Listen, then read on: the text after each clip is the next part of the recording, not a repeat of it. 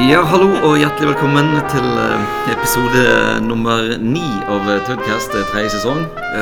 Og nå er vi faktisk samla hele gjengen her. Det er meg, Tarjei, og det er Kari og Frode og Dag. Og Vi skal jo da snakke om uken som har gått.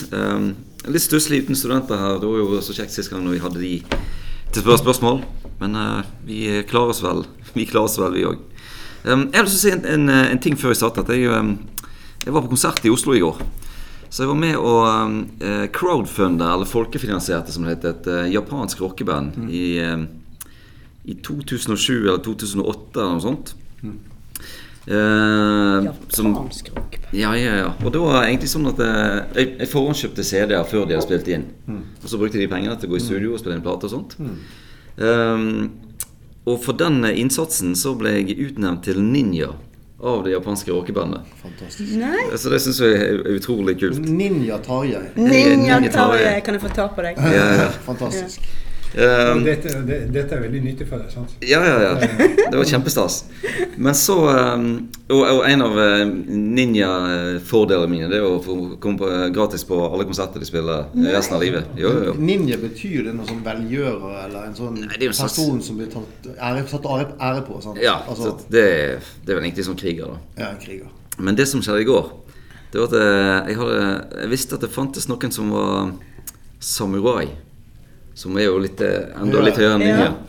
Så på forespørsel så ble jeg oppgradert i går. Nei. samurai. I, fra ninja til samurai. Fantastisk. Nei, Gratulerer. fantastisk. Så jeg er jo faktisk wow. Jeg er samurai. Haha.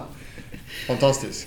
Så det så det, det er det gøy som skjer i, den, i denne Hvem er det som kan si det? I Hvem am so si- starstruck. Ja, ja. Jeg blir utnevnt av et japansk rockeband. Samurai, altså. Så eh, relevans, faglig relevans er jo at eh, Vi har jo snakket litt om finansiering av oppstartsbedrifter og sånne ting. Og eh, det her med folkefinansiering. Det er jo sånn som, eh, som kommer mer og mer. Og, Ja men eh, når, du, eh, når du til og med kan bli ninja og samurai med å hjelpe folk med folkefinansiering, så er det jo, eh, det er jo stas. Kan en få sånn folkefinansiering til, til sånn private formål, f.eks. hytta mi?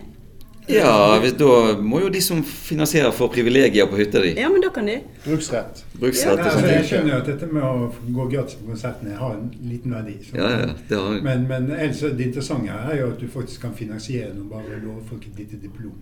Ja, ja, ja. Ja, ja, altså, det er nok til å skaffe penger. Men uh, den selve finansieringen, da, det var at uh, jeg, kjøpte, jeg kjøpte ti CD-er på forhånd før du spilte oh, ja. inn. da. Så fant jeg, og da var dollaren var fem, eh, den var sånn fem kroner. Han lå på fem kroner, så tenkte jeg ja, 500 kroner. Men De, hvordan, de CD-ene kan du jo bare gi vekk. Ja. men hvordan fant du det rockebandet? Nei, jeg, jeg, jeg hadde vært på konsert med de flere ganger før. Jeg hadde spilt på garasje, og jeg satt i. Oslo og litt sånn forskjellig. Så var jeg på en eller annen mailingliste, eller fulgte de på et eller annet eh, sosialt medie. Mm. Men det, gøy, det, det gøyeste med hele historien, det er at eh, i 2014 spilte de i Bergen eh, 16. mai. Og da inviterte jeg de på 17. mai-frokost. Å ja. Så da var det da hele familien min i bunad og et rockeband fra Japan. Fantastisk. Satt vi og spiste laks og greier. Det er at hvis du gjør gode ting, så får du igjen for det. Ja, eh, det er, mm, det er jo litt den der eh, Med folkefinansiering så er det måten du knytter til deg Ja. eh, eh, kundene dine på, Ja. som, er, som, er litt, som er noe annet enn å få lån i banken. Ja. Rett og slett. Fantastisk. Utrolig kult. Ja, du har jo fått en god avkastning på den. Kjempegod. avkastning. den kan vi, vi kan sette opp en sånn der, eh, kontantstrøm på den der. Ja. Og så er det ting som ikke kan måles i kontanter. Men det, skal vi eh, komme oss tilbake igjen til, eh, til eh, dagens eh, tema? ja, samarbeid. Ja. Ja, her samarbeid. Ja. Ja, ok. Ehm, Kari har uh, trossa sykdom og alt mulig for å være her med oss i dag. Det setter vi kjempestor pris på. ja, jeg ville jo egentlig komme ned i pysjen, for at eh, jeg er ganske dårlig. Ja. Men så sa mannen min nei, og så måtte jeg dusje og så måtte jeg kle på meg. Men Frode han reagerte så positivt på meg i dag. Ja. For han syntes jeg var så velstelt. Ja. Så det er veldig bra. ja. Mm. Og, Nyvaska. Nyvaska, så så nyvaska ut. Det er så synd at ikke de får glede av det på radio. Ja. ja, det er sant. Det er sant. Vi kunne Ja. sagt at du var i pushen. Jeg kunne sagt at det var i push, men en veldig stygg push, så det er ikke noe Ja. det, ja. ja Um, jeg trossa um, sykdommen i går òg. Jeg dusja og uh, gikk og hadde forelesning. Og um, da snakket jeg om ehm, det viktige temaet hvordan man skal lede endringsprosesser. Um, og hvordan, um, hva steg som er i sånne prosesser, hva metoder man kan bruke, og hvordan man bør gå fram. Ut ifra forskning og best practice osv. Um, så da snakket vi om hvor viktig det er med forankringsforståelse. Og, og fordi at veldig mange, altså, veldig mange, endringsprosesser skjer jo i hytt og pine. Uten at de er bevisst, og uten at man har mål og mening med dem.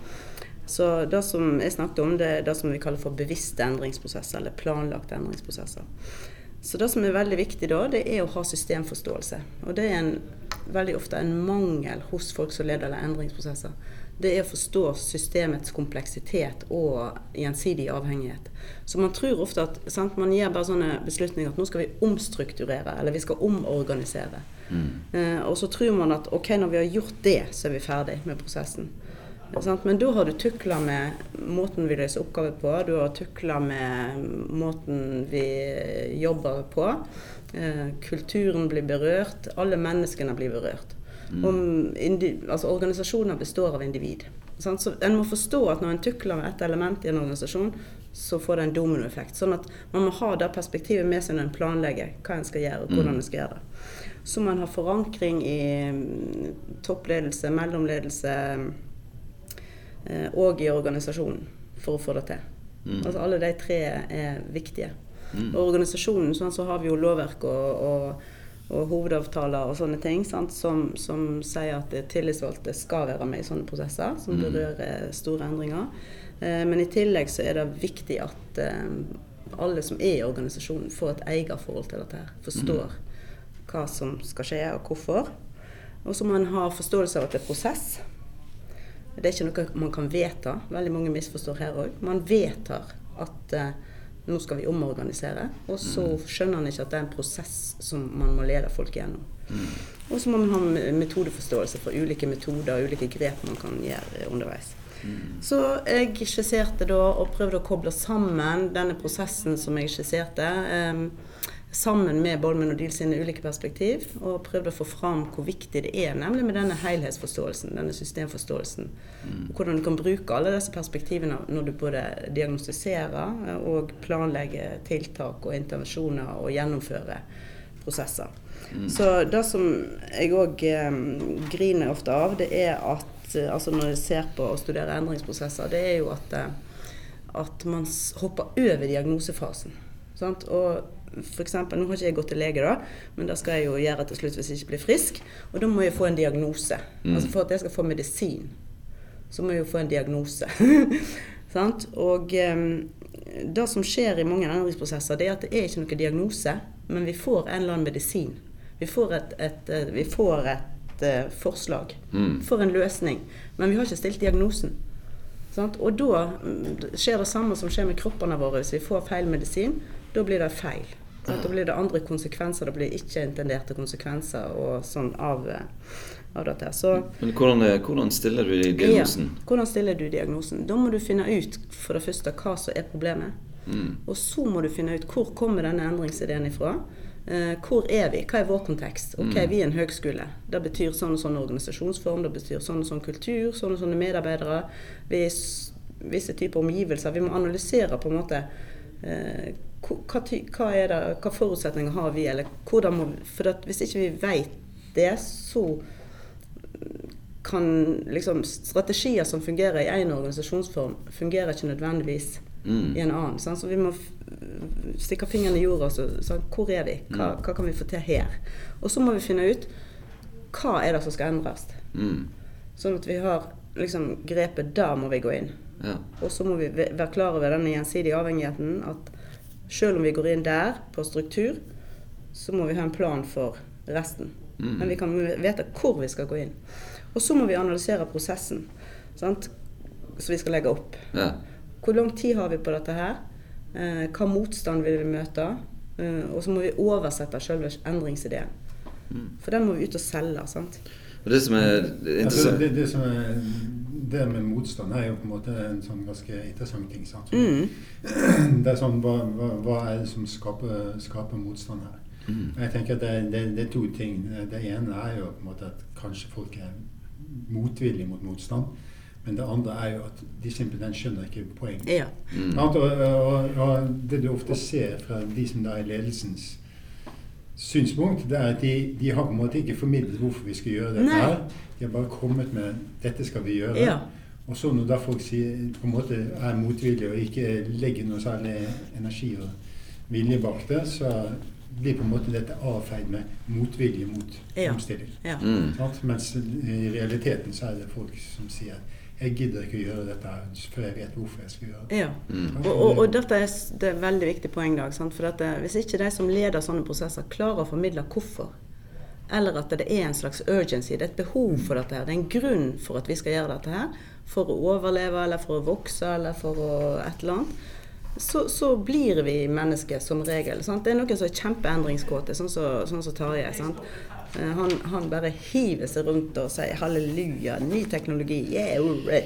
Sånn? Ja. Så er det noen som, som, som meg og Dag sier sånn Hvorfor skal vi gjøre dette her? Jeg endrer meg gjerne, men da må jeg vite hvorfor. Eh, sant? Og, Jeg liker å være i en litt sånn liquid state, Ja, sånn at ja, alle er, muligheter er åpne. Ja, men du er sånn, sant. Du er jo skrudd sammen sånn som person. Eh, Men det som jeg synes er interessant her, det er jo at eh, det som du snakker om med diagnosefasen, det er jo rett og slett det som har vært eh, er tema i, strategien Ja. i, i denne uka her. Sånn, for vi har snakket om ekstern analyse. Sånn, hvordan ser det ut helt utenfor bedriften? Hvordan ser det ut i, i bransjen? Og hvordan ser det ut nå i, um, inne i bedriften? Hva, hva slags aktiviteter utfører vi? Og, og hva av de her aktivitetene utfører vi bra, og hva ut vi utfører vi dårlig? Og dette, det er mye snakk om digitalisering. Men alle, alle digitaliseringsprosesser er jo egentlig ja, ja, ja, visst er det Og da er det på en måte eh, Jeg viser av og til denne gode gamle Levitts diamant, Ja. som ofte blir brukt i eh, organisasjonsteorien. Sånn at du har Mm. fire elementer, og når du forandrer ett element, så er det forandring i de andre Ja. elementene. Egentlig akkurat det samme som, Ja. eh, som du sa. Og det at hvis du nå skal få eh, eh, kunstig intelligens til rette alle eksamensoppgavene våre, Mm. så endrer det litt på alle de andre Eh, de, de, ah, det, det, det, dette snakket du om forrige gang også, så jeg tror det er liksom drøm, din, din Ja. drøm. ja, ja. Nå, nå er han blitt samurai. Det er liksom ett mål nådd. Og så er det skal aldri mer rette eksamensoppgave. Yes. Ja. ja, men, det- er men. Check. ja, men, Så har eh, det på bucketlisten. Men, eh, men tenk, tenk på hvor masse mer eh, eh, tilbakemelding studenter kan få uten at det tar ressurser fra oss.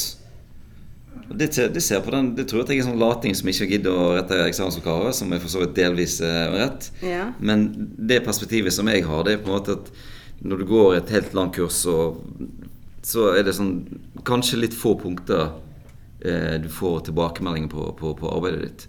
Og hvis det kan lettes litt med å bruke teknologi, så er det en god ting. Mm. Jeg skulle jo heller ønsket at jeg kunne fått mer tid med studentene. Mm. I gruppe- eller én-til-én-relasjoner. Men det er jo veldig vanskelig å få til i disse store klassene. Mm. Det er det som jeg syns er så utrolig gøy når jeg har disse um, tredjeklassefagene. Når jeg Mm. får små klasser og blir skik skikkelig kjent og kan følge opp på en ordentlig god måte, syns jeg sjøl, da. Ja. Syns jeg er mye bedre. Nå kommer Øystein og Nå blir Dag henta litt ut. Var du gått igjennom sånn cirka Ja. det du Ja. ville si, Kari? Eller? Ja da, for at, eh, rest, altså etter diagnosen altså Hele poenget mitt er at du må gjøre en grundig jobb der, Ja. sånn at du får de rette strategiene og de rette Så må det kobles opp mot eh, mål og visjoner og, og så videre. Så, men, Ja. men i alle fall så, så um, fikk Vi, vi gått igjennom den. vi er ganske synke eh, Ja. to fagene denne uka var faktisk her. Hvis, eh, jeg håper studentene får det med seg. Ja. Det er to sider av samme sak. Mm. Hva sier du, Frode? Har du, Ja. eh, hva, har du, å- hva, har du, hva har du bydd på i det I forrige uke så bydde jeg på forvaltningsrett, og det gjorde vi oss ferdig med i, i, eh, på tirsdag. Og da begynte vi også på, har også begynt på arbeidsrett. Så jeg kan ta forvaltningsretten, da. Det er jo et fag som dukker opp på eksamen som en praktisk oppgave ved siden av avtalerett og kjøpsrett. Som jeg har sagt til studentene, at eh, det er det som kommer på praktikum. Og så får dere teorispørsmål på de øvrige eh, fagfeltene, da, temaene. Forvaltningsretten, den, eh, der har man jo en lov, forvaltningsloven fra 1967. Eh, inngangsvilkår alltid, det er Foreligger det et, eh, en eller annen forvaltningsavgjørelse truffet av et forvaltningsorgan, Altså Spørsmålet er rett og slett om loven kommer til anvendelse. Og eh, er det en offentlig tjenestemann som har fattet et eller annet vedtak eller en eller annen avgjørelse. Eh, Det er inngangsvilkårene. Og så er det jo noen saksbehandlingsregler som gjelder generelt. Dvs. Si det gjelder for alle avgjørelser, også forskrifter. Vi skiller mellom enkeltvedtak og forskrifter i forvaltningsretten. Et enkeltvedtak det er rett og slett et vedtak som er bestemmende for en persons rettigheter og plikter. En forskrift det er bestemmende for en ubestemt krets av personer. Så f.eks. hvis det er et, eh, en parkeringsbestemmelse som gjelder for parkering i et privat sameie, eh, så vil jo det komme i en forskriftsform. Fordi at man kan ikke vite eksakt hvem det den bestemmelsen gjelder for. En ubestemt krets av personer. Mens et, et enkeltvedtak, det er da en bestemt person. Så da har vi noen regler i forvaltningsloven som gjelder for bare for enkeltvedtak, og så har vi noen i kapittel 7 som gjelder bare for forskrift. De reglene som gjelder generelt, da vil jeg trekke frem dette med inhabilitet. er jo da en, en bestemmelse i paragraf 6 som med jevne mellomrom dukker opp på eksamen. Og vi i Norge vi er jo et, er et relativt lite land. Og du kan tenke deg i mindre kommuner der liksom nesten alle kjenner alle. Eh, da er det jo litt vanskelig å få en tjenestemann som jobber i kommunen i et eller annet, en eller annen sammenheng, eh, et eller annet forvaltningsorgan i kommunen, at han ikke har noen som helst tilknytning verken til sakens parter eller til saken som sådan. Mm. Og da er spørsmålet ja, er det sånn at i små kommuner så kan man omtrent ikke finne noen habile eh, forvaltningstjenestemenn. Eh, og det er nok, det er nok tilfellet tilfelle i noen sammenhenger, det. Altså man, man skiller I paragraf 6 så skiller man mellom de grunnene som gir opphavet til automatisk inhabilitet, slektskapsforhold, typisk, eh, svogerskapsforhold. Men så har man da de i annet ledd i paragraf 6, som handler om de relative inhabilitetsgrunnene. Og da er jo poenget at hvis det foreligger en særlig grunn som gjør at det er egnet til å svekke tilliten, allmennhetens tillit til vedkommende tjenestemanns habilitet, så vil vedkommende være inhabil etter annet ledd. Eh, og da er spørsmålet hva menes med en særlig grunn? Og det er jo da sånn at dette går jo fra statsforvaltningens topper helt ned til eh, nivå på, på kommunale organer. Altså, det finnes jo en rekke saker der f.eks. statsrådet har bevilget penger til stiftelser, foreninger, ledet av en barndomsvenn. Eh, både, både Støre har vært i, sø- i søkelyset der. Lysbakken har vært i søkelyset der. Den gamle helseministeren eh, har vært i Det er mange. Og da er, jo, da, er jo, da er jo, sånn at det, det, altså det er ikke nok at det er en barndomsvenn for at det skal bli inhabilitet etter annet ledd. Da må det være en omgangsvenn som man pleier omgang med nå. Altså det er, ikke, okay. det er ikke nok at det en gang har vært Nei. en tett forbindelse. Eh, mens de, mens de eh, lekte på stikka eller slo slåball eller spilte fotball på Løkka. Altså det må være en, en person som er i din innerste sirkel, eller i nær sirkel, nå. For at det skal bli inhabilitet eh, etter, etter annet ledd. Og tilsvarende er det jo sånn at ektefelle er jo selvfølgelig inhabilitet etter eh, første ledd, automatisk. Samboerskap, da er det etter annet ledd. Eh, og da er jo igjen spørsmålet er det en særlig grunn som gjør det at man at allmennheten er det som er poenget. At allmennheten har grunn til å på en måte få rokket sin tillit til den tjenestemannens eller tjenestekvinnens habilitet. Og et, samboerforhold vil være så close at da, da vil det bli inhabilitet etter Men, men hva med sånne, hva med sånne um, affærer, da? Ja. Ja, men altså, det er jo oppe i media. da. Det har jo kommet Ja flere saker nå. sant? Da, da ble Giske veldig inhabil. Nei, men eh, ja. Giske, men- òg alle som kjemper mot Giske, på en måte. Altså, du har jo flere sånne eh, kjæresterisaker eller hemmelige affærer som på en måte kommer fram. At jo da, vi er kjærester. Det har bare gått ett og et halvt år. Ja. Sant? Eh. Og så, ja. Ja. Så går de av fordi at de blir kjærester. Men da har de jo egentlig vært kjærester kanskje i, i tre år. Ja. I skjul. Ja da. Sant? Hva med sånne Altså, saker, da? du kan si det som så at en, altså, det som fanges opp når det gjelder ektefeller, det er jo de som har vært ektefeller, er ektefeller. Mm. Og så, sånn, det er begge deler. Altså både det er i fortid. Du kan tenke deg at du at, Men når de eh, ikke er ektefeller, da? Nei, hvis det er samboerskap. Ja, hvis, Hvis det er kjærlighetsforhold, forelskelse, Ja. for eksempel, så går det til annet ledd.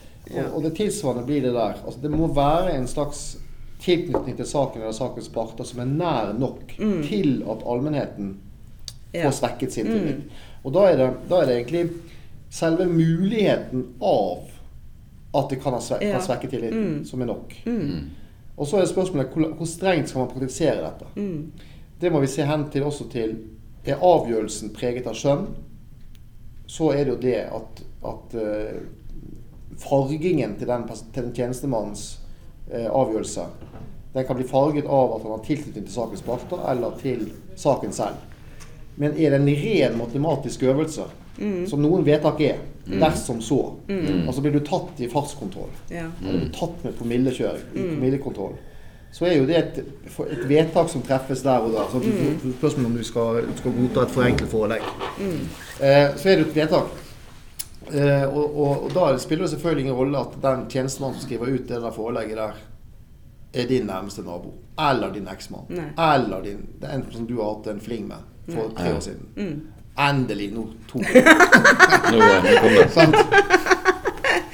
ja. Men, men eh, når du snakker om forvaltningsrett, snakker du egentlig om byråkrati, eh, byråkratiet da? Det, Jo da. det er veldig mye Det der, er sant? Altså, det er jo en sant altså, Ja, for, for det, det eh, jeg, eh, har, jeg traff en han, hva er det, Dag Ingvar Jacobsen, han Ja. som har skrevet denne eh, førsteklassebok i, Ja. i org. Og Vi diskuterte litt det der med byråkratiet og i forhold til denne digitaliseringen som foregår nå. Han, eh, har, han har et begrep som han driver jobber litt med, som er på en måte hyperbyråkratiet. Og Det er på en måte et sånn supereffektivt eh, byråkrati der eh, veldig mange Der du på en måte Alt som ikke krever skjønn, egentlig, legger du egentlig inn som, eh, som, eh, algoritme. som en algoritme. Ja. Mm. Og, og, da, og det som jeg syns er interessant med det, da, det er jo at eh, da blir byråkratiet det som det egentlig skulle bli.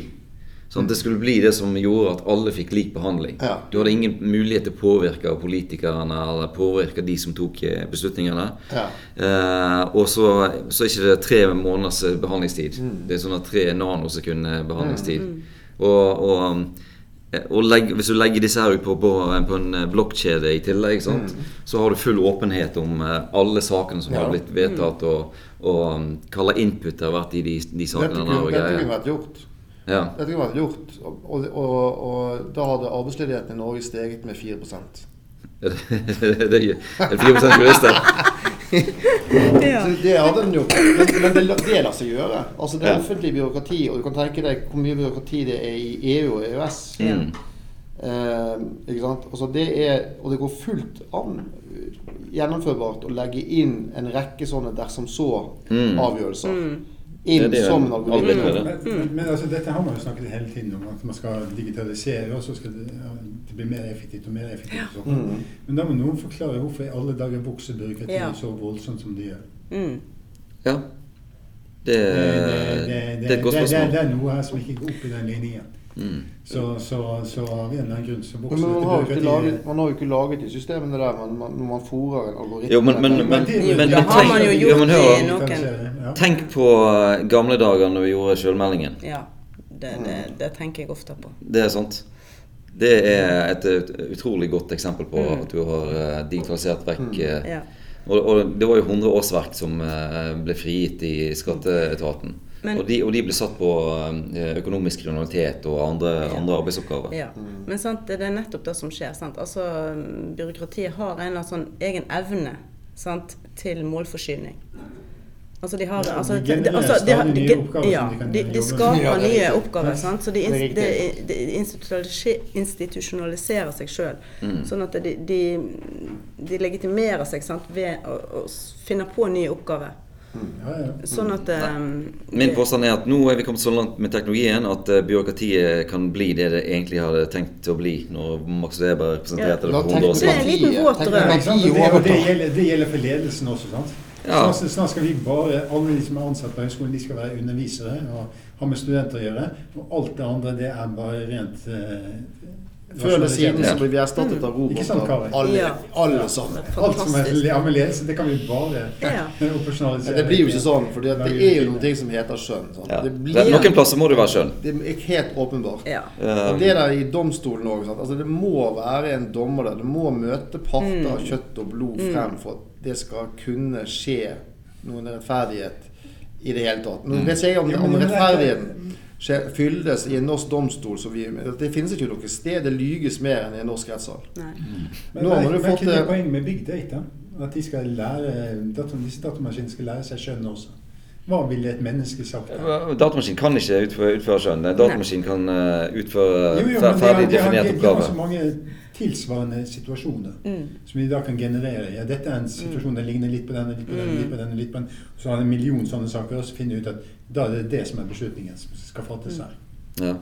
Eh, Det, det som er, I forhold til det så er det jo på en måte å presentere Å gå igjennom alt det der og presentere det til noen som kan ta en, en bedre beslutning på en kortere tid, fordi at det, det der blir samlet opp og summert og, og presentert.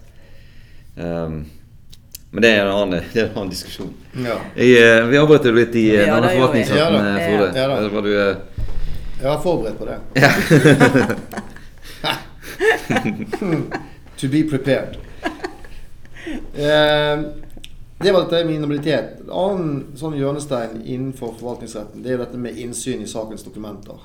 Og det har jo partene krav på, å få innsyn i sakens dokumenter. Eh, med mindre det unntak. Og unntak er det dersom forvaltningen har eh, drevet med intern saksforberedelse. Altså Dvs. Si at det er noen i det organet som har skrevet noe, en innstilling f.eks., til det organet i altså de personene i det forvaltningsorganet som treffer vedtaket, så er den innstillingen unntatt fra innsyn. Eh, og Grunnen til det er at forvaltningsorganet må få lov til å drive saksbehandling. Eh, vedtaket, det får man selvfølgelig innsyn i. Eh, men ikke innstillingen. Med mindre innstillingen inneholder faktiske opplysninger. Det har man krav på å få. Og da er spørsmålet hva er en faktisk opplysning versus da Motstykket er jo en skjønnsmessig eh, vurdering. En faktisk opplysning det er en opplysning som kan verifiseres. Enten avkreftes eller bekreftes. Eh, med facts. Altså det må være, kunne underbygges med fakta. Da Da har man krav på det. Å få innsyn i det. Selv om det er en innstilling. Hvis en saksbehandler er inhabil og skriver en innstilling, og så treffes det et vedtak på bakgrunn av den innstillingen, så vil den saksbehandleren som skrev innstillingen, være inhabil. Og da vil også det vedtaket kunne bli ugyldig. Hvis det er en mulighet for at den innstillingen kan ha virket bestemmende inn på vedtakets innhold. Så der fjerner man egentlig den muligheten at forvaltningen kan, eh, kan drive med en slags usaklig forskjellsbehandling og ta utenforliggende hensyn, ved at også den som skriver innstilling, blir eh, inhabil. Sånn er det. Eh, så dette var dette med innsyn. Offentligheten, allmennheten, har jo også rett på innsyn. Det går etter offentlighetsloven. Den innsynsretten er mindre enn innsynsretten til partene i en forvaltningssak. Mm. Tredje grunnstein i forvaltningsretten er klagereglene. Dette dukker opp på eksamen. Altså det, hjørnesteinen dukker opp i en eller annen variant. Eh, begrunnelsen- begrunnelsesplikten Dette jeg sagt til studentene, så det er ikke noe sånn news, breaking news på podkasten. breaking news, breaking news. For de som ikke var i timen, er det kanskje Man skal begrunne vedtakene. Alt skal begrunnes. Og det at forvaltningen kan bli kikket i kortene, partene har innsyn, offentligheten har innsyn, vedtak skal begrunnes, alt dette bidrar jo til at forvaltningen skjerper seg. At det ikke skjer overgrep mot borgerne. Fordi at hvis det er noen som har størst betydning for borgernes hverdag og, og daglige situasjon, så er det jo selvfølgelig forvaltningsorganene som treffer vedtak daglig. Massevis av vedtak. sant? Og de skjerper seg fordi disse tre tingene er på plass. Det er en rettssikkerhetsgaranti at forvaltningen ikke begår urett mot sine borgere. Det kjenner vi i en del andre land. Det gjøres. Og de har ikke de samme greiene som vi har. Og så har vi I tillegg så har vi en vaktbikkje, Sivilombudsmannen, som skal angripe forvaltningsorganer som begår urett eh, overfor sine borgere. Så at Norge er kommet veldig langt når det gjelder den type rettssikkerhetsgarantier og forvaltningsmessige garantier for at forvaltningen gjør, treffer riktige avgjørelser. For det er jo det som er målet. De treffer riktige avgjørelser. Ja. Så vedtaket skal begrunnes. Og så er poenget at hvis det da er et vedtak som man er misfornøyd med, så kan man jo klage på det. Og da er spørsmålet hvem kan klage? Jo, det er sakens parter. Og så er det de med rettslig klageinteresse. Og spørsmålet er jo da hva er rettslig klageinteresse? Jo, da må vedtaket berøre de. Enten, enten faktisk eller rettslig. Eh, og da nevnte jeg et eksempel på denne Alta-utbyggingen som var på 1980-tallet. Mm. Der var det jo først og fremst samene som fikk lide ved at Altaelva ble lagt i rør. Ikke sant? De hadde reindrift der, og de hadde ting og tang. Og, så, sant? og bosted i og sånn. Så de ble berørt rent faktisk. Samene var parter i saken når det gjaldt det forvaltningsmessige vedtaket om å legge Altaelva i rør. Men hva med Norges Naturvernforbund? For de påklaget også dette vedtaket. Og da var spørsmålet har de rettslig klageinteresse. Og dette gikk helt opp til Høyesterett. Og Høyesterett svarte ja. ja. de. Så de kan bli berørt på en direkte måte, da. Eh, selv om de ikke er parter, og da har de klage- klageinteresse og klagerett. Det var forvaltningsretten in a nutshell. Ja. Så vil jeg si til, helt til slutt Vi har en uskreven lære om myndighetsmisbruk. For det tok jeg også opp. Og det går på dette med altså Selv om ikke man finner noen forvaltningsrettslig hjemmel i forvaltningsloven som er brutt når det gjelder saksbehandling, så kan forvaltningen ha brutt uskrevne regler på dette med usaklig forskjellsbehandling, det at det tas utenforliggende hensyn, det at vedtaket er bygget på vilkårlighet. Og da er det også sånn at er det brutt, så vil det føre til ugyldighet hvis det er sannsynlig eller en mulighet for at de kan ha virket på, virket inn på vedtaket sine. Og der ga jeg noen eksempler fra, fra rettspraksis på det. Det var forvaltningsretten i et, i et nøtteskall. Og så har vi begynt på arbeidsretten. Vi skal ikke si noe mer om den, for den fullfører vi i, i morgen. Ja. Fra 8 til 10. Og da må jeg også snakke med tillitsvalgt. Ja. Takk for det. Takk for det. Dag eh, har vært ute og kommet tilbake igjen. Eh, hva har du bydd på? Nei, altså Jeg har jo ikke helt fått med meg hva dere har sagt, men eh, ofte så er jo det som jeg sier, nokså sånn frakoblet det som dere sier uansett, så Yes. Nei, nei, Nei, nei da. Ikke den store, ikke den store sammenheng. Nei, Ok, vi, vi, vi dropper den. Uh, jo, vi har snakket, vi har, eh, snakket om eh, risiko. Og til nå i kurset så har vi liksom hatt et avkastningskrav som de har bare fått slengt til seg. Dette er avkastningskravet, det skal dere bruke. Regn med det. Og så har man egentlig ikke begrunnet det noe videre. Og så nå går vi litt inn på det som kalles for, som mer sånn finansteori. Altså hvor, hvordan begrunner man disse tingene. Og da er, har vi en diskusjon om risiko. Og investeringer er jo da risikable. Men det er ikke så enkelt som at de er risikable. Det er for det finnes risiko av ulik type. annet som man kan tenke seg at en del risiko er veldig sånn prosjektspesifikk. Altså hvis du Jeg liker å bruke eksempelet å grave etter gull. Sant? Fordi der finner du gull, så tjener du masse penger. Finner du ikke gull, så tjener du ikke noen ting og taper penger. Og, men det har ingenting med noen ting annet å gjøre. Det har bare med det å gjøre. Finner du eller finner du ikke. Så det er en risiko som på en måte ikke er relatert til markedet i det hele tatt. Mens den andre typen risiko, det er eh, en risiko som på en måte er innebygget i hele det økonomiske systemet. Sant? Som på en måte er grunnleggende for økonomien. Og det handler jo da om eh, Man kaller gjerne det for den usystematiske risikoen og den systematiske risikoen. Så markedsrisiko det er systematisk. Type et selskap som investerer i næringseiendommer f.eks. Næringseiendommer er jo veldig drevet av Går det godt i markedet, så stiger de i verdi, og går det dårlig i markedet, så synker de i verdi. Mm. Så disse, en sånn type eh, eiendel vil da typisk være veldig sånn markeds... Har veldig mye systematisk risiko. Og tanken er da at hvis du som investor skal investere i disse her, så kan du sette sammen disse ulike prosjektene, aksjene og hva det er, i porteføljer. Og når du da setter sammen sånn portefølje, så denne usystematiske risikoen, denne gullgraverisikoen, Mm. den har en tendens til å pulverisere. Mm. For hvis du har mange, så blir den bare en liten bit av alt det du har. Ja. Mm. Mens denne systematiske markedsrisikoen, den klarer du ikke å bli kvitt. Nei. Sant? Og sant? så bygger man opp et argument som går via det. Så sier man da at ok, hvis det er sånn at vi misliker risiko, så er det slik at noen må bære denne systematiske risikoen. Og markedet er villig til å premiere dem. At de, Ja. de, de kan Mm. forvente høyere avkastning. Mm. Mm. Så det er dels en deskriptiv beskrivelse av hvordan markedet fungerer, men det er også i neste omgang så er det normativ. Gitt at det er sånn markedet fungerer, så er det også sånn du skal kreve. Sant? Fordi Mm. denne risikoen kommer du ikke til å bli kvitt.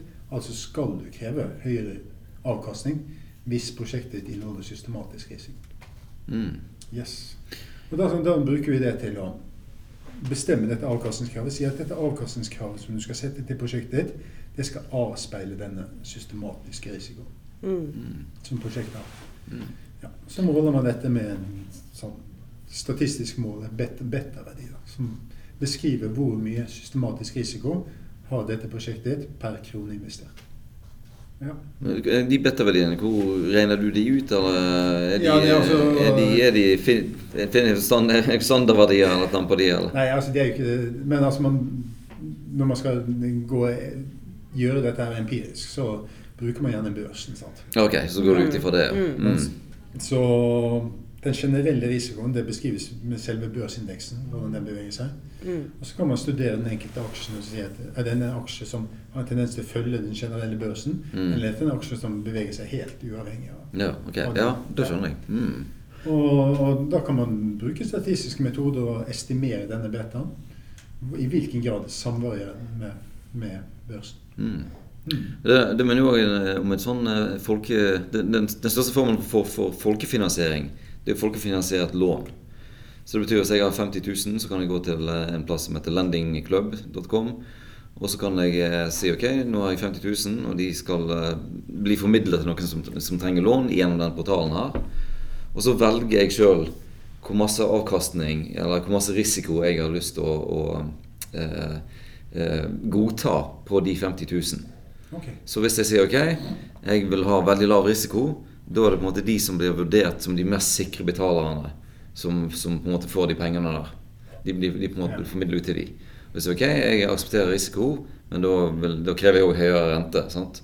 Så vil de, da vil det på en måte de eh, pengene bli tilgjengelig for, for eh, folk som har større risiko for ikke å betale tilbake igjen. Ja. Så eh, det er jo Men, men det, er, det er litt mer komplisert. enn Ja da, det er. Fordi den risikoen som du snakker om nå, den inneholder begge deler.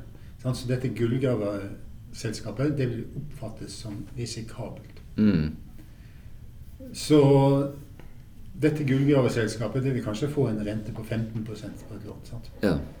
Men poenget her er at når du skal regne på hva er forventet betaling, så må du legge inn i regnestykket ditt at det er mulighet for at dette går konkurs og ikke vil betale. Mm, Så selv om de har 15% så kan den forventede avkastningen kanskje være 3-4 ja.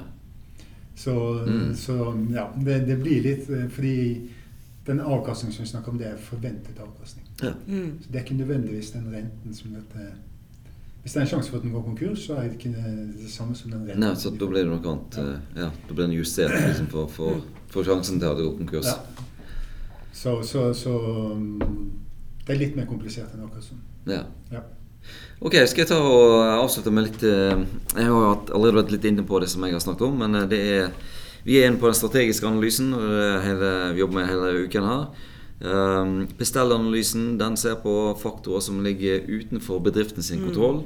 Så bedriften kan ikke påvirke de eh, den, Det er mer sånn samfunnsutviklingen. Det er politiske faktorer som er da styresettet, og hvordan det på en måte Om det legger noen muligheter, eller om det legger noen begrensninger på den type bedrift.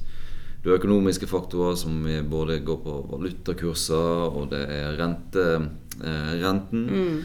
Sånn hvis det, hvis, nå, er det, nå er jo valutakursen sånn at det er relativt billig for utlendinger å feriere i Norge. Så da er jo på en måte det en mulighet hvis du driver med, med reiseliv. sant? Og så er det sosiale faktorer. Hva gjør folk nå? Hva er folk opptatt av? Um, og sånn, eh, demografiske faktorer. Har vi mye eldre folk eller yngre, folk? Hvordan, hva ramme legger det for, for bedriften vår? Uh, og så de teknologiske, uh, den teknologiske utviklingen i samfunnet. Hvilke muligheter gir det oss? Hvilke trusler oppstår på det? Og så er det da til slutt de juridiske faktorene. Mm. Så hvordan uh, må vi forholde oss til ulike lover og regler når vi skal drive vår forretning? Og er det en mulighet eller en, en, en trussel? Mm. Så jeg har brukt Tide som, som, eksempel.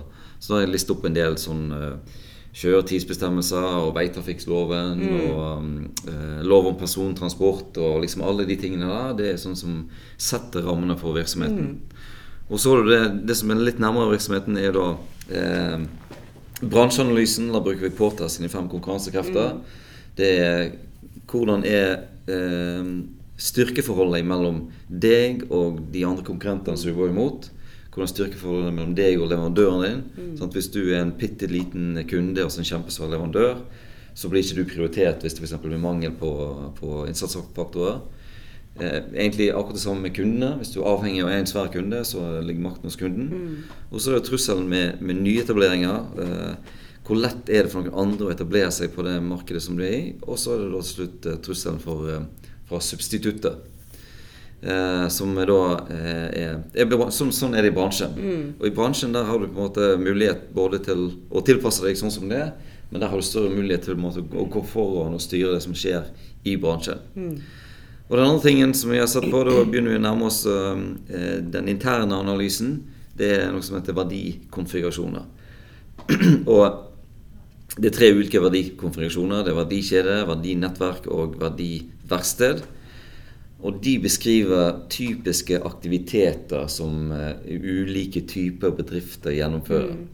Så tanken er der at hvis du ser på din egen bedrift, så hvis den passer inn noenlunde Det er jo aldri noe som passer helt inn i sånne modeller, sånn, de forenklinger. I denne bedriften så foregår det f.eks. For uh, hvis vi har den gode gamle verdikjeden. Her har vi inngående logistikk, vi har produksjon, vi har utgående logistikk. Uh, vi har salg og markedsføring, og vi har service. Uh, Hvilke av disse her er de, er, er de, som skaper mest verdi for de kundene som tar imot det her um, produktet på, på, andre enden? Og hvor gode er vi på de viktigste aktivitetene? Det er liksom å finne ut hva, hva er det vi får til, og hva er det vi ikke får til. Mm. Og dette i tur legger jo da eh, ramme for hva slags valg vi kan ta videre. Og hvis vi, hvis vi skal gå veldig utenfor det som vi har gjort tidligere, da blir det en organisasjonsendring. Mm. sant? Da er det sånn ok, nå må vi ha ny kompetanse inn, vi må kjøpe inn mm. noen nye eh, maskiner eller fly eller hva det er for noe. Og så må hele organisasjonen òg i den flytende fasen og inn i den liksom, mm. Eh, faste fasen der etterpå.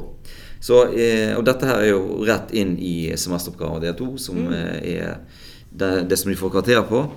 Eh, og hovedsaken her er jo å prøve å gå litt sånn grundig igjennom disse her. Mm. Og så er jo Det som gir uttelling, det er at du, studentene viser at de klarer å vurdere litt Ok, nå har vi mye ny teknologi. Jeg snakker jo masse om det. Hvordan, dette, hvordan gir dette muligheter og, mm. og, og, og utfordringer for den bedriften? Mm. Sånn, hva slags lover er det som, som kommer inn her nå, f.eks. med personvern for forordningen til EU, e GDPR? Eh, mm. sånt? Hvordan eh, er det, er det bare Innskrenker det bare, eller gir det òg noen muligheter? Og eh, i forhold til en verdikonfigurasjon så er litt av eh, det som gir uttelling på eksamen, det er på en måte å kunne diskutere de tre forskjellige og komme fram til en konklusjon om hva som passer best i den eh, bedriften som de skal, eh, som de skal skrive om på eksamen. Mm. Og der er, det ikke, der er faktisk eh, den argumentasjonen Og dette er jo egentlig det samme tror jeg som i, i rettslære. Den argumentasjonen du legger fram, mm. eh, er, er, viktigere enn på en måte et eller annet fasitsvar som, som ikke fins. Mm. Men det er på en måte at du klarer å bruke mm. de eh, elementene i teorien til å argumentere deg fram til et valg, og, og det er på en måte solide argumenter, det er det som eh, dette, dette, går nok igjen i alle, alle yeah. eksamene våre. Ja, eh, så det, det, er noe, det, er ikke noe, nytt der. Nei. Ja, men Det var jo flott at vi alle var samla. Da tror jeg eh, vi har Da tror jeg vi har fått sagt det vi har på hjertet. Ja, Er dere enige? veldig bra. Ja. Yes, Takk skal du ha for at dere kom i, eh, i, i podkasten, og takk til de som eh, lytter hele veien ut. Takk, skal du ha. God helg.